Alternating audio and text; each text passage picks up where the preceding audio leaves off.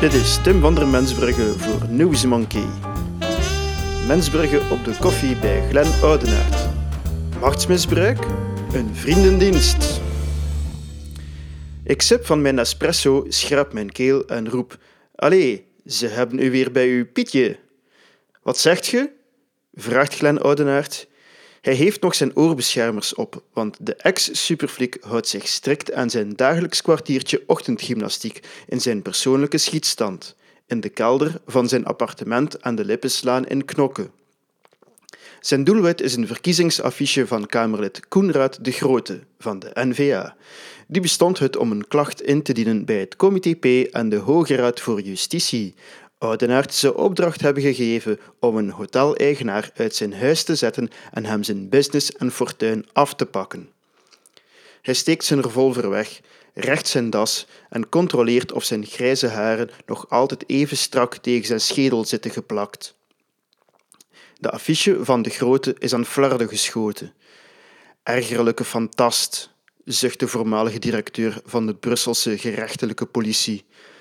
Het is niet waar dat u die hoteleigenaar hebt geruineerd, pols ik. Geruineerd is veel gezegd. Ja, die man leeft ondertussen van het OCMW, maar is dat nu zo erg?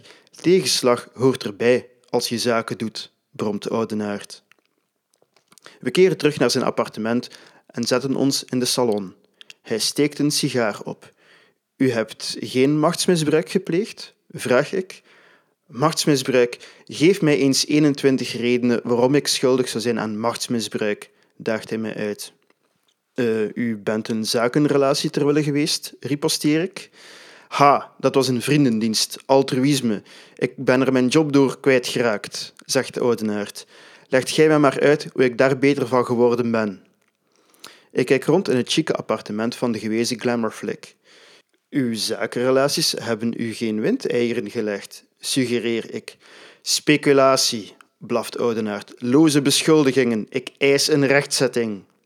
Een rechtzetting, maar ik heb nog niets over u geschreven, merk ik op. Oudenaard haalt zijn revolver weer tevoorschijn en poetst de loop op met zijn paarse plastron. Dan zou je er niet slecht aan doen een preventieve rechtzetting te publiceren, zegt hij. Is dat een dreigement? vraag ik uit nieuwsgierigheid. Hij antwoordt niet en sabbelt verder op zijn sigaar terwijl hij zijn vuurwapen inspecteert. Plots piept zijn gsm. Hij staat op en gaat door het raam kijken. Die bruine camionet, is die van u? Wijst hij? Uh, ja, zeg ik. Ik sta op en zie dat mijn wagen wordt weggetakeld. Een van de flikken die er rond staan, kijkt omhoog en zwaait. Oudenaard wuift vrolijk terug. Ziet ge? Dat is wat wij noemen een plagerij, knipoogt hij. Uh, ja, maar en uh, hoe moet ik nu terug thuis geraken? vraag ik, te zeer van slag om verder te denken dan de meest praktische beslommeringen. Glen Oudenaard barst uit in een bulderlach die hij slechts kan smoren door zijn sigaar weer in zijn gezicht te steken. Dat is de verkeerde vraag, reporterke. Was ik van u, ik zou me beginnen af te vragen of ik nog wel een huis heb, grijnst hij en hij dooft zijn sigaar in mijn koffie.